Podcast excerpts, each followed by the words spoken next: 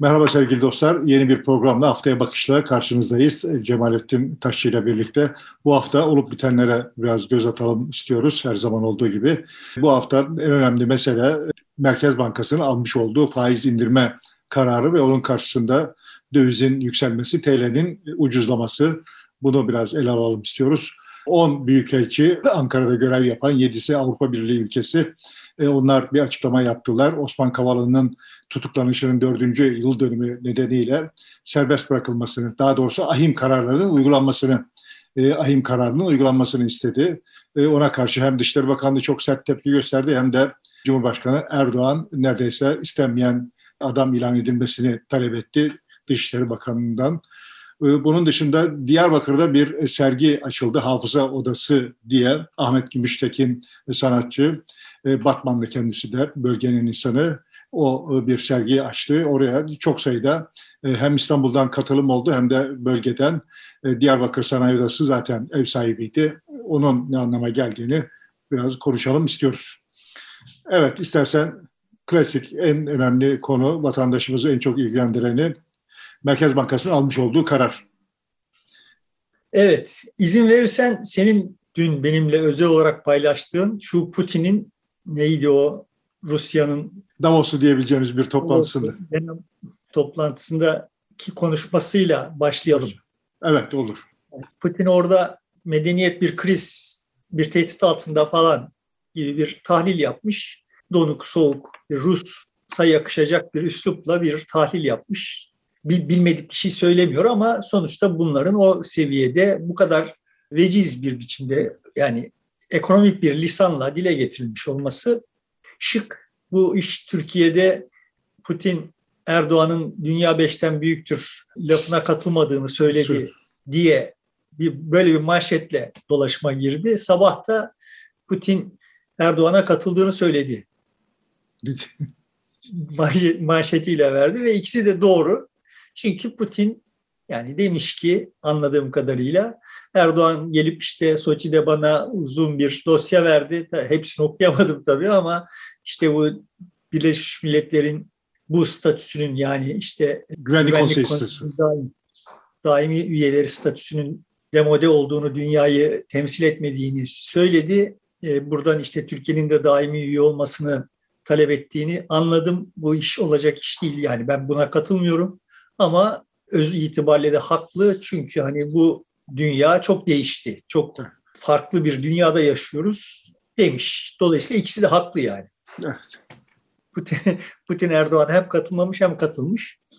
Net toplamda beni e, niye bununla girmek istediğimi söyleyeyim. Benim gördüğüm tablo şöyle bir tablo. Uzunca bir süredir gördüğüm tablo şöyle bir tablo. Yani deprem oluyor, ciddi bir deprem oluyor ve bu arada diyelim ki mesela senin kızın hastanede doğum yapacak.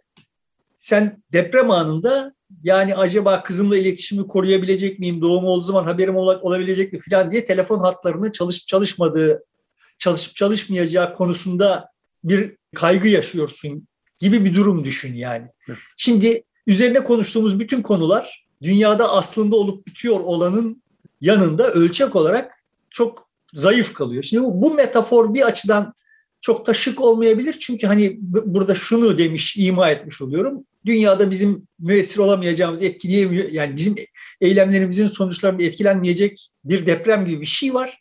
Bir de hani bizim bilgi alıp vermemiz vesaire filan falanlarla ilgili bizim etkileyebileceğimiz bir takım şeyler var gibi bir şey, bir ayrım yapmış oluyorum. Öyle değil. Yani sonuçta o deprem dediğim şey de bizim eylemlerimizin sonuçlarında oluşacak. Yani nasıl e, anlatabilirim bunu. Şöyle söyleyebilirim. Sonuçta 19. yüzyılın sonunda imparatorluğun çöküyordu olduğu görünüyordu. Ve işte herkes kendince bu imparatorluğun çöküyor olmasına yol açıyor olan depremin içinde bir şeyler yapıyorlardı. Yaptıkları her şey o depremi büyüttü. Yani imparatorluğun en büyük merkezleri işte İstanbul, İzmir, Selanik gibi yerler ciddi ölçüde gayrimüslim nüfus barındırıyordu yine kendi başına ciddi bir merkez sayılabilecek Erzurum'un durumu da oydu vesaire. Bütün bunlar bir dizi tehdidin altındaydılar. İmparatorluk olarak, e, olarak tehdit altındaydılar ama aynı zamanda da her birisinin kendi içinde iç gerilimleri vardı. Ve bu iç gerilimlerde gayrimüslim nüfusun tutumları Müslüman nüfusun tutumlarını da etkiledi. Müslüman nüfusun tutumları gayrimüslim nüfusun tutumlarını etkiledi. Orada belki başlangıçta e, vardı olan bir takım hassasiyetler zamanla erozyona uğradı, keskinleşti ve sonrasında ortaya çıkan tablo o süreçte gerçekleşenlerin ürünü. Ama asıl küçük küçük hesaplar nelerdiyse o tarihlerde İzmir'de, İstanbul'da vesaire falan falan küçük küçük hesaplar nelerdiyse bunların hiçbirisi tutmadı yani. Yani o imparatorluğu ayakta tutmak veya işte şuradan bir sadrazamlık çıkarmak, şuradan bir e, saraya damat olma hayalleri vesaireler falan falan nelerse bunların hepsi anlamsızlaştı. Çünkü işte imparatorluk çöktü. Akabinde gayrimüslim nüfusun ortadan kaldırılması bunu izledi vesaire. Yani işte ulus devletler, tuhaf tuhaf ulus devletler ortaya çıktı ve sonuçta hiçbir küçük hesap, kısa vadeli hesap diyelim, gerçekleşmedi. Uzun vadeli hesap da o kısa vadeli hesapların ürünü olarak ortaya çıktı. Belki de hani o imparatorluktan daha çok uluslu bir devlete yani daha İsviçre türlü bir devlete de evrilebilirdi olay. Öyle olmadı yani. Şimdi burada bu hani Ahmet Güneştekin'in sergisine geleyim izin verirsen öncelikle. Öncelikle peki. Aslında yani, Putin'in laflarında çok şey var. Ee, daha sonra daha farklı da değerlendirebiliriz onu. Epeyce bir dünyanın gidişatına yönelik de laflar var. Kapitalizm falan bitti diyor. Ee, bambaşka bir şeye doğru gidiyor, dünya evriliyor diyor. En önemlisi de muhalif gazeteci ödül almıştı Nobel ödülünü. Onu da davet etmiş ve bunu tebrik ediyor onu da kendisine muhalif olmasına rağmen. Enteresan mı geldi bana da. evet, Gülüş, yani, Gülüş sonuçta anladığım kadarıyla Putin tehlikesiz muhalifleri, tehlikeli muhalifleri tercih ederek küçük, küçük ayak oyunları yapıyor. Yani evet. ben öyle yorumladım. Ama e, evet Putin'in söylediklerinde arka yani kapitalizm çöküyor derken de mesela şunu da söylüyor yani biz bir sistem kurmuş idik. Bu kapitalizmin gereklerine yeterince uyum sağlayamadığı için, esnek olamadığı için, uyum sağlayamadığı, uyum sağlayamadığı için çöktü. Çökerken de biz çok sancı çektik. Şimdi buna buradan öğrenmiş olmamız gerekir mealinde de lafları söylüyor ve sonrasında da işte Çin'i de örnek göstererek aslında kapitalizme sövüyor gibi görünürken bir tür devlet yani Çin'i överken de kapitalizme uyum sağlaması ne söylüyor evet. Bir pozitif bir şey olarak da söylüyor. Yani kafasında aslında bir devlet kapitalizmi yatıyor yani. Yani kapitalizme böyle ciddi bir alternatif, ekstra bir alternatif falan falan sunmuyor. Ama burada bunları işte birbirlerinden ayırt, edebil ayırt edebiliriz. Yani tam da bu demeye çalıştım. Şimdi orada kendi kısa vadeli küçük hesapları var.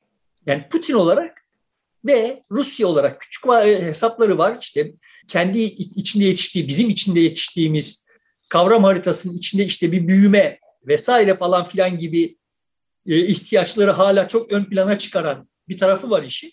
O büyümeye ihtiyacı var. Çünkü işte kendi iktidarını sürdürebilmesi için ona ihtiyacı olduğunu düşünüyor o büyümeyi de sağlayabil, sağlayabilmesi için işte Çin'i başarılı olduğunu düşünüyor filan falan. Halbuki bir adım geri atıp da dünya krizde, medeniyet krizde dediği zaman olayı şöyle de yorumlayabiliriz yani. Belki de büyümeyi sorgulamamız gerekiyor. Yani. Evet. Sahiden büyümemiz gerekiyor mu? Ve veya artık büyüme bu klasik yöntemlerle sağlanamayacak durumda olabilir mi? Başka bir şeye, başka bir türlü büyüme sağlanabilir mi? başka bir büyümeden söz etmek zorunda olabilir miyiz filan gibi. Dolayısıyla evet Putin'in söylediklerini tepeden tırnağa satır satır okumak gerektiğini düşünüyorum. Ee, dediğim gibi yeni bir şey söylemiyor ama bu seviyede bu kadar az kelimeyle böyle düzgünce söylendiğine de pek şahit olmadık. Yani orada çünkü şunlar da var. Yani aile değerleri işte filan falan evet. tehdit altında filan diyor. Şimdi belki de önümüzdeki dönemde o şimdi Putin'in Rusya'sının büyük çoğunluğunun muhafazakar değerleri geçerliğini kaybedecek yani. Eğer bu değişime yeterince esnek bir reaksiyon gösteremezse Rusya'nın da başı ağrıyacak belki de. Yani şimdi bu değerlerden hangilerinin hayatta kalacağı ve niçin yaşayanların niçin yaşıyor olduğu vesaire gibi tahlillere ihtiyacımız var genel olarak dünya olarak. Bunlar uzun vadeli dünyanın gidişatı ile ilgili şeyler. Burada bir deprem var. Bu depremde herkes işte Putin de önce bir depremi gördüğünü söylüyor ama ondan sonra da tutup işte kendi kısa vadeli küçük hesaplarıyla kaçınılmaz olarak yani buradan Putin'i eleştirmek için söylemeyeyim. Herkes kaçınılmaz olarak kendi küçük hesaplarıyla işe bakıyor yani. Diyarbakır'daki sergi de böyle bir şey yani. Burada şunlar da olabilirdi. Yani öyle bir sergi önce şunu tespit etmemiz gerekiyor. Hani sen daha önce yine özel konuşurken güzelce bir biçimde söyledin. Önce şunu tespit etmemiz gerekiyor. Yani bizim şu Türkiye ikliminde bir sergi konuşuyor olmamız, evet. bir serginin bu kadar konuşulmuş olması ya galiba normal bir ülkede yaşıyoruz. intiba uyandırdık kısa bir süre. Biz çünkü hani, hani çok daha bir de Diyarbakır hep terörle kafamızda eşleştiği için terör dışında bir şey hiç konuşulmaz. E, yan yana gelir hep öyle konuşulur diye var. Ama ilk defa e, terör değil e, bir sergi konuşuluyor. Ve onun da çeşitli boyları ya da farklı tarafları el alınıp konuşuluyor. Ve bir de buna hem Diyarbakır'daki HDP eliti ilgi gösterdi hem İstanbul'daki sosyete büyük oranda ilgi gösterdi medya eliti de ilgi gösterdi diyebiliriz. Partilerin elitleri de diğer partilerin insanları da gösterdi ve Kültür Bakanlığı da olabildiğince destek vermiş durumda. Kültür Bakanlığı desteğini bilmiyordum. Senden öğrendim. Bir kere alanı açmış zaten sergi alanını. Beş yıldır kullanılmıyordu. Orayı vermiş, tahsis etmiş. Keçi Burcu'nu e, tahsis etmiş. Orada sergi yapıldı.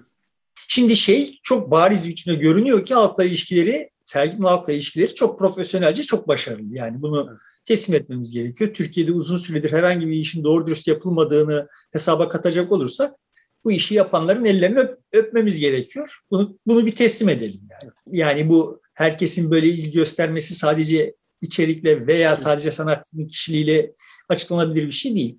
Çok, başarılı bir halkla ilişkiler işi var burada. Serginin kendisini değerlendirebilecek kapasitede değilim. Yani sanat konusunda konuşmak için kendimi yetersiz gördüğümden değil. Ama sergiyi gezmedim yani. Beni davet etmediler. Nihal Bengüs davet ettiler ama beni davet etmediler yani. Sonuçta gezmeden de o atmosfer yani o bir enstalasyon çalışması. O içinde olmadan da böyle hani fotoğraflarıyla, videolarıyla falan falan hakkında konuşmayı yersiz buluyorum. Ama Diyarbakır'a gidemeyiz ama 31 Aralık'ta kadar Diyarbakır'da sonra İzmir'e geliyor aynı sergi. İzmir'de sergilenecek. Orada görebiliriz. Efendim? Niye Diyarbakır'a gidemiyoruz? Atlayacağız uçağa gideceğiz yani. Yeter ki bizi ağırlasınlar. Atlarız uçağa gideriz. Ya ama İzmir'e ağırlamadan gidebiliriz. Şimdi tabii 31 Aralık'a kadar serginin başına neler geleceğinden de çok emin değilim. Evet. Bakalım göreceğiz onda. Yani Türkiye çok çok çalkalanıyor. Çok hızlı çalkalanıyor yani. Dünya çok çalkalanıyor. Türkiye depremin merkez üstünde e, gibi görünüyor.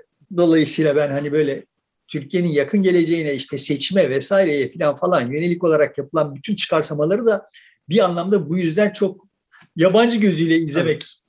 gerekiyor da kalıyorum. Yani sanki böyle bizim bugün içinde yaşadığımız şartlar ve veya buradan öngörebileceğimiz şartlar önümüzdeki 3 ay, 6 ay, 1 yıl falan falan da devam edecekmiş varsayımıyla konuşuyoruz. Ben hiçbirisinden emin değilim. Yani çok çok beklemediğimiz evet. şeyler gerçekleşebilir Türkiye'de. İyi şeyler, kötü şeyler. Böyle hani bir kıyamet senaryosu yazmak falan falan da der ne bileyim ama sadece şimdiki parametrelerin herhangi birisinin geçerli olma ihtimalini çok zayıf görüyorum. Çok farklı şartlarda seçime gidebilecek olursak çok farklı şartlarda gideceğimizi isimler, kurumlar, kurallar açısından çok farklı şartlarla gitmek zorunda kalacağımızı seçime gidebilirsek tahmin ediyorum. Dolayısıyla şimdi böyle seçim vesaire siyaset hakkında konuşmaları çok verimli bulmuyorum ama konuşmak zorunda kalıyoruz evet. haliyle. Yani neyse şeye dönecek olursak, sergiye dönecek olursak ben şimdi dediğim gibi sergiyi sanatsal açıdan değerlendirebilecek durumda değilim. Herhangi bir sanat etkinliği de netice itibariyle şunu zaten göze almak zorunda. Ona çok olumlu, çok övgüler de düzülür, çok ciddi eleştiriler de gelir. Burada da öyle oldu. Burada öyle olurken işte buna... Ben istersen e, önce bir katılanları hızlıca sayayım da kimlerin e, geldiğini. AK Parti Genel Başkan Yardımcısı Cevdet Yılmaz oradaydı. E, Mithat Sancar HDP eş genel başkanı oradaydı. İstanbul Büyükşehir Belediye Başkanı Ekrem İmamoğlu açılıştaydı. Sırrı Sakık eski milletvekili HDP'nin o da e, açılıştaydı. DEVA Genel Başkan Yardımcısı Mehmet Emin Ekmen oradaydı açılışta. İhsan Arslan eski milletvekili AK Parti'nin e, o da oradaydı açılışta. Açılışın zaten ev sahibi Sanayi Odası Başkanı Mehmet Kaya olduğu için o oradaydı. Dolayısıyla yani herkes var bir Gelecek Partisi'nden kimse yoktu. Evet. İyi Parti'den de ve MHP'den de kimse. Onları niye evet, onlar, onlar da yoktu. Doğru. Onları zaten beklemiyoruz. Şimdi evet. dediğim gibi hani sanatsal açıdan olayı değerlendirebilecek durumda değilim. Siyasi açıdan bunun bir bir şeyleri mayalandırdığı, dediğim gibi bunun halkla ilişkileriniz de başarısı olarak bir şeyleri mayalandırdığı, birilerini bir şeyleri bir yerlerde pozisyon almaya zorladığı falan görünüyor. Zaten sanatçının kastının da bu olduğunu tahmin edebiliriz. Yani Diyarbakır'da bu tarihte böyle bir sergi açmak zaten kendisinin de sergi hakkındaki beyanı da gösteriyor ki yani evet burada bir bir şeyleri başka türlü düş- konuşmamız gerekiyor diye düşünmüş. Bunun bu konuda kendi üstüne düşeni böyle tarif ve tahlil etmiş. Bu işi yapmış. Gördüğümüz tablo bu. Maksat hasıl oldu mu, amacına ulaştı mı? O maksat hasıl oldu, amacına ulaştı. Bunlar bu tartışıldı. Olup biten tartışıldı. Daha da tartışılacak gibi görünüyor. Yani neler oldu? İşte Diyarbakırlı gençler Keçi Burcu'nun tepesine çıkıp tabutları aşağıda attılar. Renkli tabutları. Bu renkli tabutlar üzerinden spekülasyonlar oldu. Başka enstalasyonların üzerinden spekülasyonlar oldu. Tartışıldı. Ben kendi hesabıma neresini tartışmak istiyorum? Şöyle diyeyim ben daha önce bu hafıza konusunda çok yazdım çizdim. Hatırlamak konusunda. Seninle hasrettiğimiz bir program da yaptık. Hatırlamanın her zaman çok sağlıklı olmayabileceğini düşünüyorum. Şimdi hatırlamak sağlıklı mıdır değil midir bundan emin değilim ama yani her zaman hatırlamak gerekir ve bunu da işte yüzleşmek gerekir. Ancak böyle problemler aşılabilir durumunun bir genel kural olarak kabul edilmesine her zaman itiraz etti. Bu genel bir kural değil. Bazı durumlarda unutabilmek gerekir.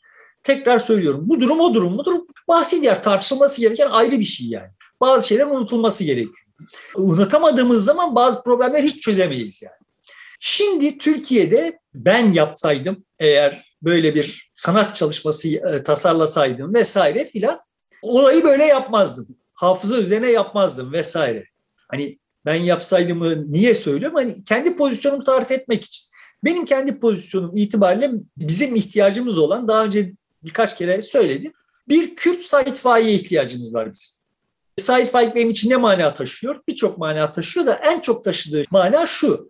Ben gayrimüslimlerin Türkiye'de neye tekabül ediyor olduklarını, Türkiye için neye tekabül ediyor olduklarını Said Faik'ten öğrendim. Benim kendi hayatımda tanıdığım gayrimüslim bir elin parmaklarını geçmezdi Said Faik okuduğum dönemde. Yani işte kolejde bir tane Alman sınıf arkadaşım vardı. Üniversitede işte Yahudi bir oda arkadaşım vardı vesaire. Sonuçta Said Faik'i çok genç yaşta okudum. Çok çocuk yaşta okudum.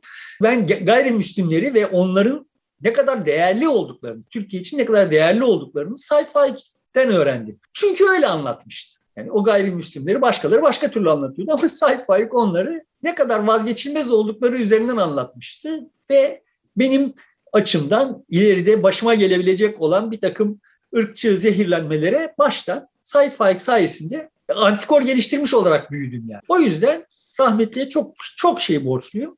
Bana uzun süredir bana öyle geliyor ki bize bir Kürt Said Faik lazım. Yani bak kardeşim birbirimize ihtiyacımız var. Yani farklılıklarımızla yani Said Faik dili şuydu. Onlar farklılar ve farklı oldukları için onlara ihtiyacımız var. Yani bizim gibi değiller. İyi ki değiller yani. Şimdi bize bunu anlatacak bir hikayeye ihtiyacımız olduğunu düşünüyorum. Bir sanatçı olsaydım bunu yapmaya çalışırdım.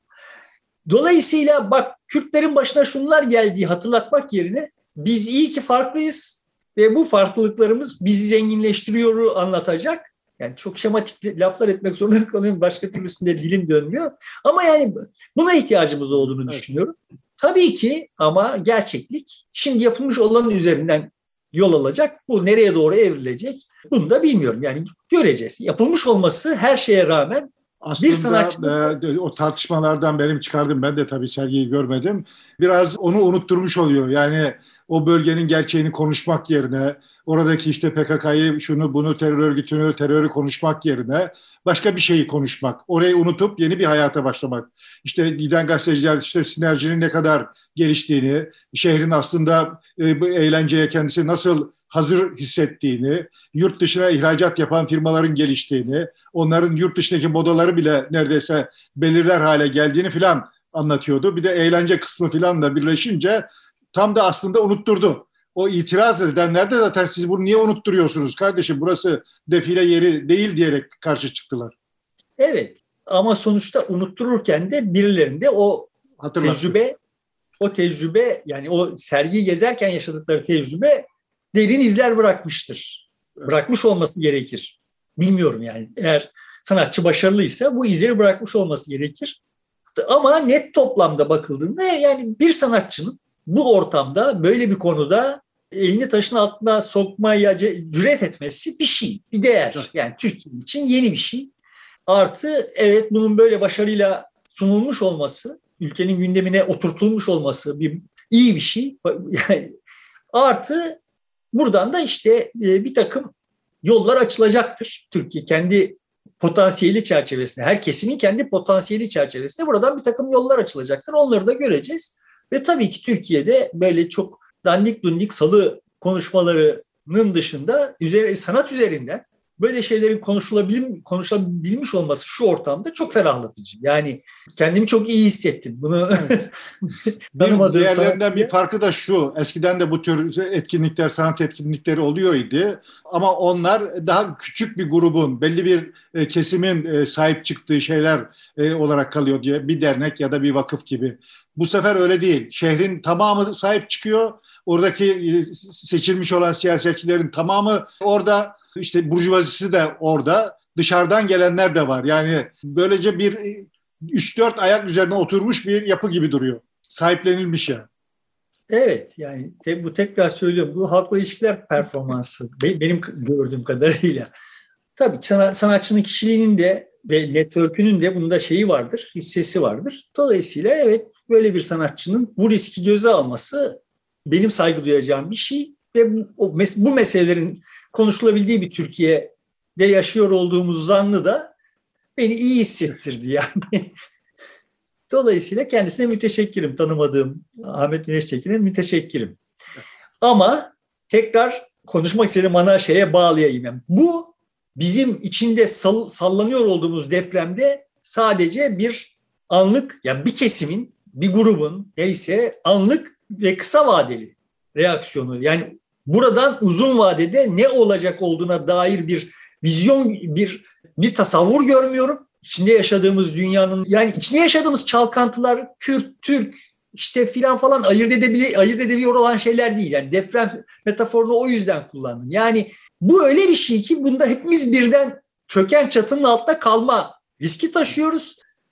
o, o yüzden yani bu kader ortaklığı üzerinden bir şeylerin daha ihtiyacımız olan bir şey. O, yani eğer öyle olsa o zaman ha bak evet dünyanın ne tür bir anafora uğradığını hissetmişiz duygusuna kapılacaktım. Şimdi hissettiğim şey yani bir dakika ya bizim derdimiz çok daha büyük. Burada konuştuklarımızdan çok daha büyük derdimiz. Yabancılaşmasını besledi. İşin şey tarafı bu. Buradan istiyorsan Merkez Bankası'na gelelim. yani kör parmağım gözüne bu yapılan iş kasti bir şey ve işte buradan yola çıkarak da böyle zaten AKP iktidarı liranın ucuzlaması vesaire filan falanı kastediyor. Amacı bu çünkü filan deyip buradan böyle bir akıllar yürütülmüştür diye tahmin ediyorum. Peşini çok hiç çok, takip etmedim. Böyle bir şey vardıysa, varsa onlara da çok saygı duyacağım. Yani, yani eğer bir kasıt için bu işi yapıyorlarsa bu saçma ve bizim hepimizin aleyhine ama o durumda bile yani bak bunu, bunu kastedip de yapıyorlar deyip onlara saygı duyacağım yani. Çünkü benim gördüğüm bu saf bir inatlaşma hali. Biz bildiğimizi yaparız. Bunun faturasını bütün millete ödetiriz. Sadece ve sadece sizin bunu istemediğiniz bildiğimiz için yaparız. İnatlaşmasından başka bir şey yok burada yani. Şimdi Benim e, şöyle bir çalışma var bu e, karar onun bir ürünü müdür değil midir bu ayrı bir mesele. Ama bir dövizin değer kazanması, TL'nin düşmesi karşısında e, büyük şirketler ve büyük metropol şehirlerin dışındaki küçük şehirlerde bir ihracat artışı var. Teknolojiye dayalı olmayan alanlarda yerli üretimin artması, yerli temin edilerek üretimin yapılması ithalat yerine ve bunların satışı ile epeyce bir şirketin kazandığına dair bir ciddi çalışma e, okudum. E, buradan hareketle deniyor ki AK Parti zaten bir esnaf hareketiydi, işte KOBİ hareketiydi. Şimdi yeniden bunları canlandırarak bunun üzerinden bir kendi kesimine, kendini e, kazandıran kesime bir kucak açıyor, onu destekliyor diyenler de var biraz zorlayarak. İşte tahmin ettiğim bu yani. Ben hani takip etmedim ama böyle şeyler akıllar yürütüldüğünü tahmin ediyorum. Bu akılları yürütenler sonuçta her e, döviz hareketi net biçimde birilerine kazandırır, birilerine kaybettirir. Yani dövizi yükselttiği zaman da döviz yükseldiği zaman da birileri kazanır, birileri kaybeder. Düştüğü zaman da birileri kazanır, birileri kaybeder. Sadece kazananlar ve kaybedenler değişir yani. Dolayısıyla şimdi burada da tablo böyle. Buna bir itirazım yok. Sorun şu. Kazananların toplamı ne kadar kazandı, kaybedenlerin toplamı ne kadar kaybetti ve Türkiye olarak ne kaybettik, ne kazandık. Şimdi bütün bunlar uzun vadede Türkiye böyle bir sistematikle bir iktisat programı uygular. İşte zamanında Güney Kore'nin yaptığı gibi filan falan. Hayal edebilirsin ki işte Türkiye ihracat üzerinden yani cari açık vermeden ihracat üzerinden kendi döviz ihtiyacını karşılayıp bunu yatırıma dönüştürüp filan falan gibi bir takım hayaller kurarsın. Bunların sonuç vermesi 20 yıl. Yani böyle bir şey olsa zamanında bunun sonuç vermesi 20 yıl oldu ve bu her olduğu yerde ciddi askeri ya da çok otoriter rejimler sayesinde oldu ve bunların olacağı dönemi artık geçtik. İşin öteki tarafı da o yani. Yani sonuçta senin bugün Çin'le rekabet edebilmen yani bütün bunlar oluyor iken dünyada Çin diye bir vaka yok. Yani şimdi Çin diye bir vaka var ve sen Çin'le rekabet edemezsin. Ölçek olarak rekabet edemezsin yani. Yani sen şimdi burada Şimdi iki de, de yaklaşım daha var gene hani e, akıl yürütenler itibariyle söyleyelim. Birincisi birisi diyor ki biraz öncekinin devamı olarak e, işte ithalat pahalılaştığı için yerli üretime alan açılmış oluyor. Onlar e, yükselecek. Bunun karşısında deniyor ki o zaman e, enerji biz dışarıdan alıyoruz. Onun maliyeti çok arttığı için bu fayda etmez. Sıfır var elde sıfır hatta negatife düşersin. E, bir başkası da diyor ki biz Çin'in maliyetine geliyoruz, e, işçi maliyetine. 200 dolar mertebelerinde iniyor, 200-250 dolar. Dolayısıyla Çin'den mal getirmek zorlaştı, lojistik ve ulaşım. Türkiye üretip Avrupa'ya satacak ucuz şekilde. Bunun için bunu indiriyor şeklinde de bir değerlendirme var. E, bu sefer de Avrupa'nın e, başka değerleri var. İşte çocukları çalıştırmayacaksın, e, fiyatı çok düşürmeyeceksin, insan haklarına e, uygun olacaksın, çevreye sadık olacaksın filan gibi değerler getiriyor. Ben almam deyip başkasına geçebiliyor. Çünkü Çin'e karşı da bunları uygulamak için Avrupa Birliği bir takım kararlar almış idi çok yakın tarihte.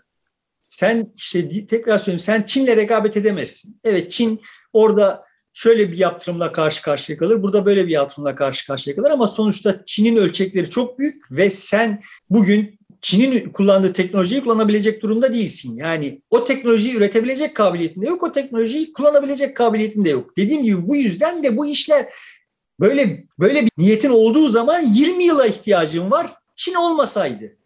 Çin varken hiç olacak iş değil. Hani yani bu, nitekim e, Özal söyledi bu eline şey alıp kalemi alıp iki yıl, iki buçuk yıl kemer sıkacağız ondan sonra işler düzelecek dedi. Mesela bir program uyguladı belli bir sonuç alındı o zaman. O zaman Çin yoktu böyle değildi. Çin yoktu. İşte o zaman Denizli'de filan şurada burada bir takım ihracat üsleri filan falan belirdi. Evet Türkiye'nin ihracatı ama o iki buçuk yılda çok geçti. Yani Türkiye'nin ihracatında ciddi bir sıçramanın olması iki buçuk yıl çok geçti. Ve kısa süre içinde, içinde de belli bir doygunluğa ulaştı. Oradan sonra işte o ihracatı artırmak için yapılmış olan şeyler neler varsa onlar bizim başımıza bela olmaya başladı vesaire. Tablo böyle bir şey. Bu bu böyle bir iktidar böyle güçlü olduğu bir dönemde bu gücüne yaslanarak işte benim 3 yıl 5 yıl bir vadem var. Bu 3 yıl 5 yılda bunu böyle yaparsam 3-5 yıl sonra bunun getirilerini elde etmeye başlarım. Yeniden halkın önüne çıktığımda da bunun karşılığını alırım falan falan diye hayal kurabilir. Kurduğu hayal yanlış olur ama bu hayal kurulabilir. İyi kötü bir takım doneleri şöyle değerlendirip bu sonuca böyle bir hayali kurabilirsin. Şimdi öyle bir hayalin kurulabileceği şartlar yok. Benim demeye çalıştım. Yani bu iktidarın öyle bir hayali kurması için uygun şartlar yok. Zaten o kadar vadesi yok. Dolayısıyla yaptığı iş sadece inat. Bir de zaten şuradan da çok net anlaşıyor, anlıyoruz ki muhalefet konuşmuyor falan diyorlar da asıl konuşması gereken iktidar. E, Hazine ve Maliye Bakanı'nın çıkıp hangi stratejiye dayanıyor, bundan sonraki adımın ne olduğunu, varsa böyle bir yol planı e, bunu izah etmesi lazım. Biz şuradan buraya gideceğiz, bu kararı bunun için aldık. Ya da Cumhurbaşkanı'nın e, bunu doğrudan açıklaması gerekiyor. Yokmuş gibi sayarak. Cumhurbaşkanı defalarca açıkladı. Daha neyi açıklayacak? Faiz indireceğim. Evet, faiz Evet. Enflasyonun sebebi faizdir diyor. Faizi düşüreceğim, enflasyonu düşüreceğim diyor. Şimdi bunun olmayacağını biliyoruz. Hepimiz biliyoruz. Yani Cumhurbaşkanı bilmiyor ama Cumhurbaşkanı bilmediği halde her dediği oluyor. Paşa da bilmez ama her dediği doğrudur fıkrası geliyor akla. Sonuçta tablo böyle bir şey yani. Evet. Bu bir inat. Dolayısıyla hani böyle bunun arkasında bir akıl bulanlara da e, ne diyeyim Allah akıl fikir versin. Yani ortada akıl filan yok ve bir Türkiye'nin ekonomisi bir adamın bir kesimle ve tarihle inatlaşmasına heder ediliyor. Var olan ekonomisi neyse ne kadarsa yani. Bu da hani yine başlangıçta söylediğim şeye bağlayayım. İşte sonuçta belli sosyal kesimlerin geçmişte kalmış artık hükmü olmayan bir takım hesaplaşmalar uğruna tıpkı Güneş Tekin'in projesinde olduğu gibi hesaplaşmalar uğruna kısa vadeli bir şeyler uğruna bu büyük ölçekli depremin yarattığı kaotik ortamda bu türbülansta böyle herkesin alışmış olduğu düşmanına bir yumruk atma çabası olarak görünüyor. ya bak yıkılıyor kardeşim. Hepimiz altına kalacağız yani. Ama işte böyle dandik, dandik işler yapan bir cumhurbaşkanımız. Buradan kendisine bir tatmin çıkarıyor anladığım kadarıyla. Bilmiyorum. Yani o tatmin çıkardan da emin değilim. Yani adam artık kameraların karşısında uyuyor yani. yani ne, ne diyeyim şimdi? Evet, Nijerya'da da maalesef öyle bir tabloyla karşı karşıya kalınmış. Şimdi aynı e, gün e, faizin indirildiği gün mali eylem görev gücü var Avrupa'da, dünyada. Bunlar e, Türkiye'yi gri bölgeye indirdiler. Bu şu kara para aklama ve terörizmin finansmanı konusunda senin mücadelende eksiklik var. Yeterince şeffaf ve açık değilsin. Ben seni daha yakından takip edeceğim. O yüzden seni gri alana şimdi alıyorum diye söylüyor. Gri alanda bizimle birlikte şimdi Ürdün Mali Cumhuriyeti de alındı. Burada Yemen filan var, Arnavutluk var gibi ülkelerle aslında bulunduğumuz yer son derece kötü bir nokta.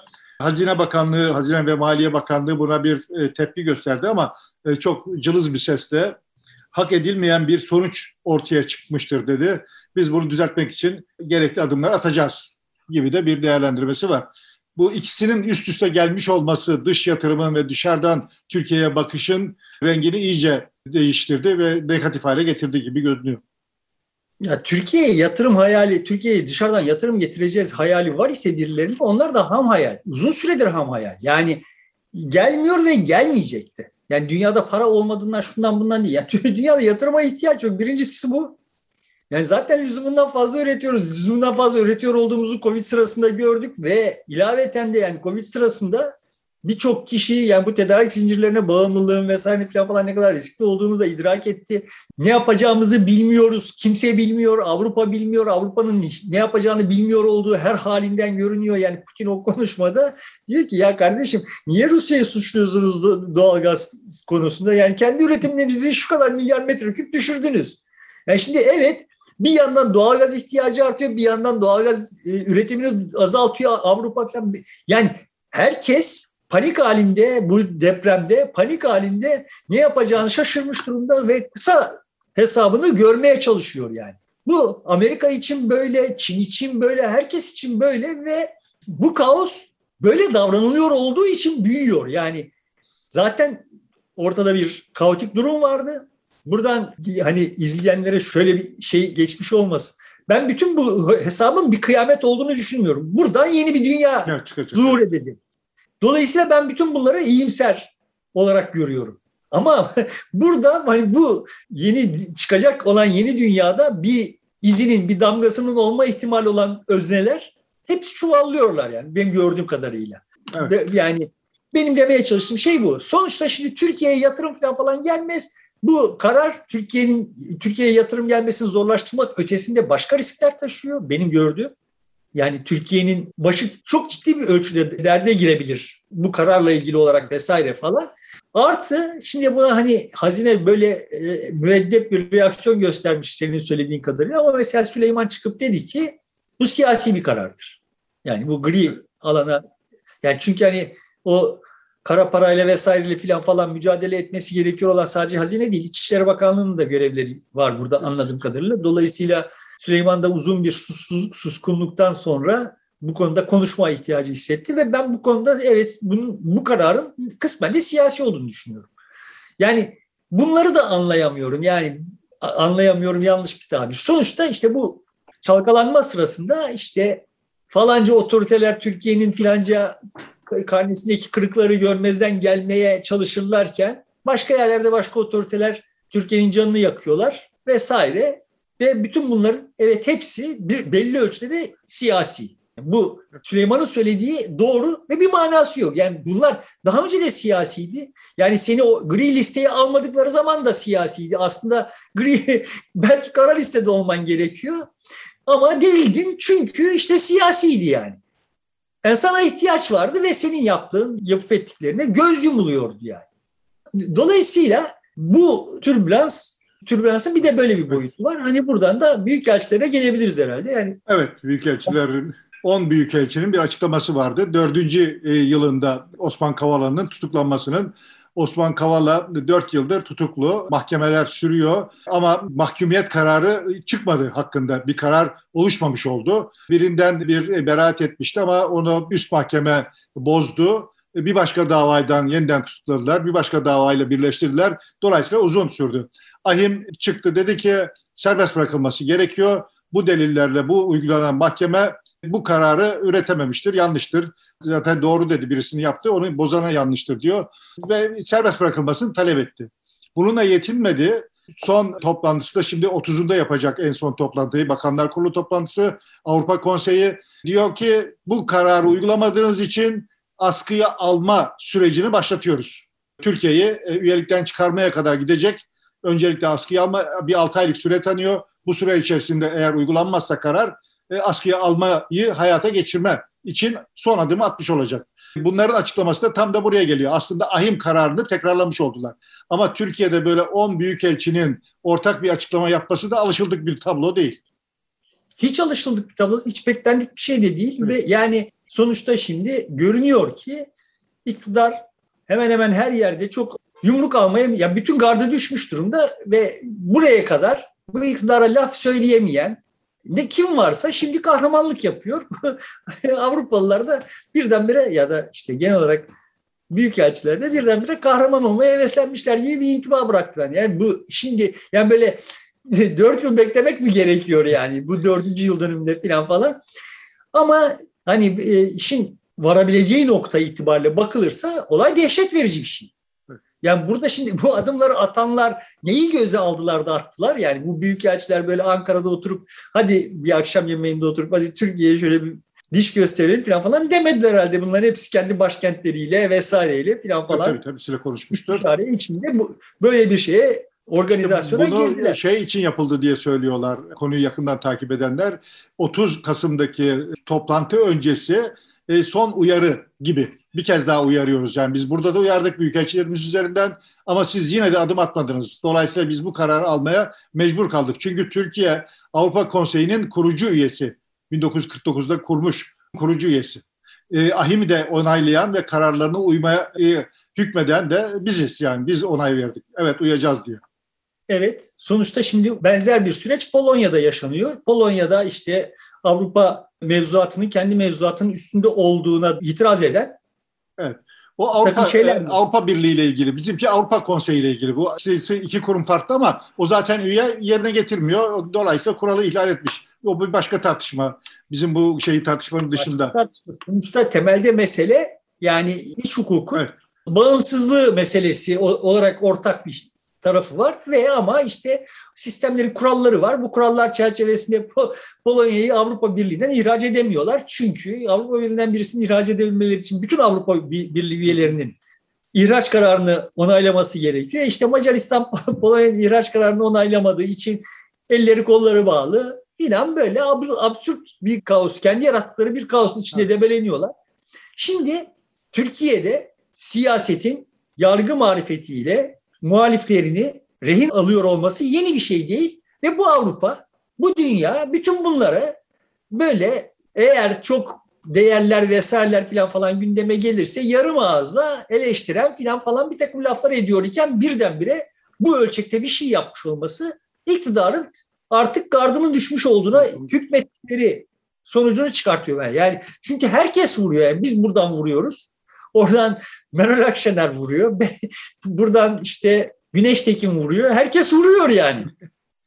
Herkes konuşmaya başladı. Dolayısıyla, dolayısıyla yani tamam şimdi vurduğumuz zaman bize vuramayacak gibi bir kanaatle davranılıyor gibi bir yani o korkular, endişeler, efendime söyleyeyim tedbirler vesaireler falan falan gözden çıkarılmış gibi görünüyor. Bunun riski şu. Yani Türkiye buna bu ölçekte bir reaksiyon gösterirse yani bu, bu büyükelçileri persona non grata ilan ederse mesela edebilir mi? Yani burada şu şartlar altında, ekonominin şu şartları altında faizi iki puan düşürenler bunu da yapabilirler yani. Evet mümkün ama zaten hani Büyükelçiye dedim bunlar burada kalmasın diye. Ben biraz da onu bu Merkez Bankası'nın aldığı kararın ya da alacağı kararın aldığı kararın e, tartışılmaması için bunu gündeme getirilmiş gibi gördüm. Herhalde o, o adımı atmayacaktır e, diye tahmin ediyorum. Şimdi e, bir kere yargı ne diyorsa o diyor. Şimdi kendi iç hukukunu aslında ahim artık dış mahkeme gibi gözünmüyor. Onu biz bizim yargının bir parçası olarak kabul etmişiz. Dolayısıyla o da yargı. Mesela aynı ahim dün e, bir başka karar aldı. Akın İpek'le ilgili olarak FETÖ davasından e, aranıyor yurt dışında. Onun mallarına kayyum atanmış idi. E, diyor ki bu kayyum atamak benim mülkiyet hakkıma ihlaldir diye itirazda bulunmuş. İşte medya organları vardı. Onların da kapatılmasını ifade özgürlüğüme bir şeydir diye, ihlaldir diye. Ahim durumu inceledi ve Türkiye'den de e, görüş aldıktan sonra, Türk Devleti'nden de, Adalet Bakanlığı'ndan da görüş aldıktan sonra hayır e, bu Türkiye'nin hakkıdır, uygulayabilir, burada bir ihlal yoktur kararını verdi. Yani reddetti orada. Mesela bunu Türkiye memnuniyet kalmış. Sorosçu değil de ondan ama aynı Sorosçu yani. Sen şimdi bütün, bütün bunları ihmal ediyorsun yani. E, yani dolayısıyla bu da başka bir gerilim noktası. Yani biz e, dış hukukmuş gibi bakılıyor. E, değil bir de yargıya müdahale etmiyor aslında. Sen bu kararı niye uygulamıyorsun diye hükümete, devlete daha doğrusu devlete bir şeyde bulunuyor, itirazda bulunuyor. Ben bu kararı aldım, bu kararı uygulama görevi senin diyor, devletin diyor.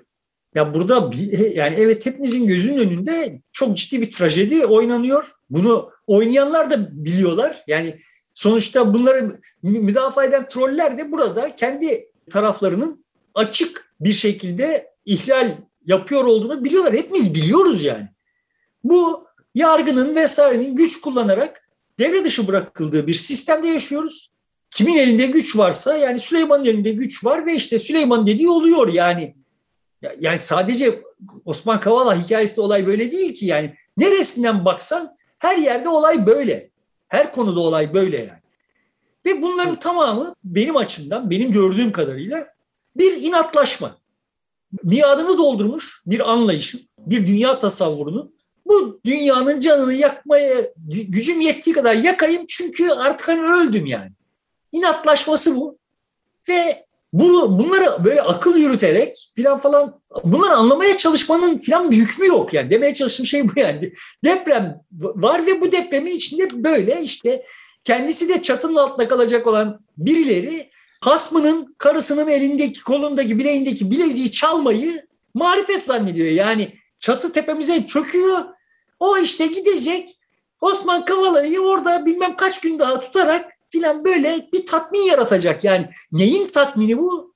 Bilmem kaç yıl önce bana şunu yaptılar. Yani böyle bir absürt bir hesaplaşma uğruna Türkiye heder ediliyor. Türkiye'nin bütün değerleri heder ediliyor. Ve sonra biz bütün bu hikayenin üstüne bunları yaşıyor iken böyle serin serin işte orada şöyle bir seçim olursa aday şöyle olursa filan falanları konuşuyoruz. Bana bunlar çok uygu, orantısız görünüyor, uygunsuz görünüyor. Ama ne konuşacağımızı da ben de kestiremiyorum yani. Ama net toplamda şunu şundan korktuğumu söyleyeyim yani sen anladığım kadarıyla daha bu konuda huzurlusun. Ben yani bu büyükelçileri deport etmeye kalkabilirler. Akabinde bunlar diplomatik e, ilişkilerin iflasına yol açabilir ve bütün bunlardan da memnun olabilirler. Yani bütün bunları istiyorlar mıdır?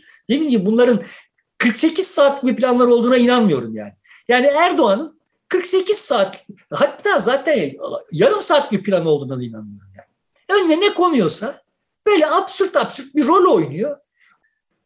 Yani hepimiz tarumar oluyor iken böyle bir heyet salak salak işler yapıyor ve biz bunlara bunların bilmem ne kadar zamanlık planları var diye bakıyoruz. Yok kardeşim.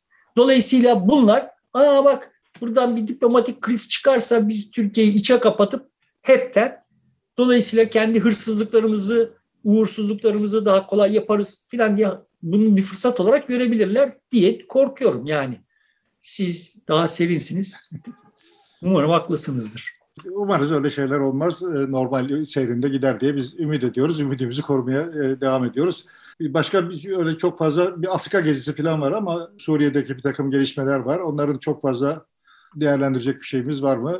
Değilse bitirelim yavaş yavaş. Yok yok yani son tahlilde sadece yani benim blogumu okuyanlar biliyorlar. Okumayanlara da söyleyeyim ben bütün bu hengamenin içinde ya bir dakika galiba şurada bir kara göründü duygusuna kapılmama sebep olan bir şey okudum bu hafta. Bregman'ın bir kitabını okudum. Çocuk 33 yaşında bu kitabı 31 yaşındayken yazmış 2 yıl önce. Ondan 2 yıl önce bir yaptığı TED konuşmasına falan filan gittim. Ben çocuğu bilmiyordum yani. Aslında kitabı da böyle hani sadece isminden yola çıkarak ya acaba filan deyip de sipariş etmiş idim. Çünkü ben kendi hesabıma insan iyidir diye bir kitap yazmaya çalışıyor idim. Çünkü evet bu de depremin, sözünü ettiğim depremin sonrasındaki dünya kavrayışının temeli de yatacak olan anlayışın bu olduğunu düşünüyorum. İnsan iyidir. Yani şöyle de desem daha iyi olacak. Dünyanın daha sağlıklı bir yere doğru evrilmesine mani oluyor olan temel şey insanın kötü olduğu kanaatinin belli bir kesim tarafından durmadan yayılıp duruyor olması, e, durmadan pompalanıp duruyor olması bu kesim belli bir kesim. Sonuçta işte ellerinde güç olan siyasi güç olması şart değil. Yani ekonomik güç olması da şart değil. Ama yani işte entelektüel güç olan kesim bak bu dünya bu insanlar kötü. Bu insanlara biz vaziyet etmezsek eğer size biz vaziyet etmezsek siz başınızı çok kötü derde sokarsınız. Hikayesi pompalayıp duruyor ve işte bunun üzerinden bir entelektüel iktidar çıkarıyor. Bu entelektüel iktidar da işte kendi siyasi iktidarını, ekonomik iktidarını doyuruyor, doğuruyor ve doyuruyor. Şimdi bu düzenin sonu geldi. Benim de kendi hesabıma işte oradan buradan falan falan gele gele vardığım nokta buydu yani. Bu insanın kötü olduğu kanaatini yenmezsek yaptığımız her şey boşa gidecek noktasına gelmiş idim. O yüzden öyle bir şey yazmaya çalışıyor idim. Kitabın adını görünce ya çok da ümitlenmedim doğrusu. Ama hani acaba böyle bir şey var mıdır filan diye sipariş ettim. Gördüm ki çocuk benim yapamayacağım kadar veciz bir biçimde insanın iyi olduğunu ve tam da bu sebeple yani bu siyasi politik hedefi vurmak için yani kardeşim bırakın insanlar adına karar verme tek eline sahip olma çabanı, çabasını artık herkes senin iyi olduğunu kabul edin. Herkes bu oyunun ortağı olsun demek için yazmış. Çocuk da kendi tarihçiymiş zaten anladığım kadarıyla. Benzer bir şeyi benden çok daha genç yaşta ve çok daha kısa süre içinde benzer bir yolu almış. Kendisine de çok müteşekkir oldum. Hani kitap tavsiyesi falan sevmiyorum ama herkese tavsiye ederim yani. Çoğu insan iyidir diye bir kitap bu isme tercih edilmiş. Kitabı herkese tavsiye ederim. Galiba kara göründü yani. Evet. Peki. Sen de ümitli oldun. güzel. Seni kazanmak ben güzel bir şey. Ben, ben dünyanın geleceği için ümitliyim. Türkiye için size. Türkiye dünyanın bir par Türkiye de dünyanın bir parçası. Dünya iyiyse ümitliyse. Türkiye koparıyorlar. Dünyadan koparıyorlar işte ada haline getiriyorlar. Kopmaz. Peki sevgili dostlar burada bitiriyoruz. Şimdilik hoşçakalın. Çarşambaya görüşürüz.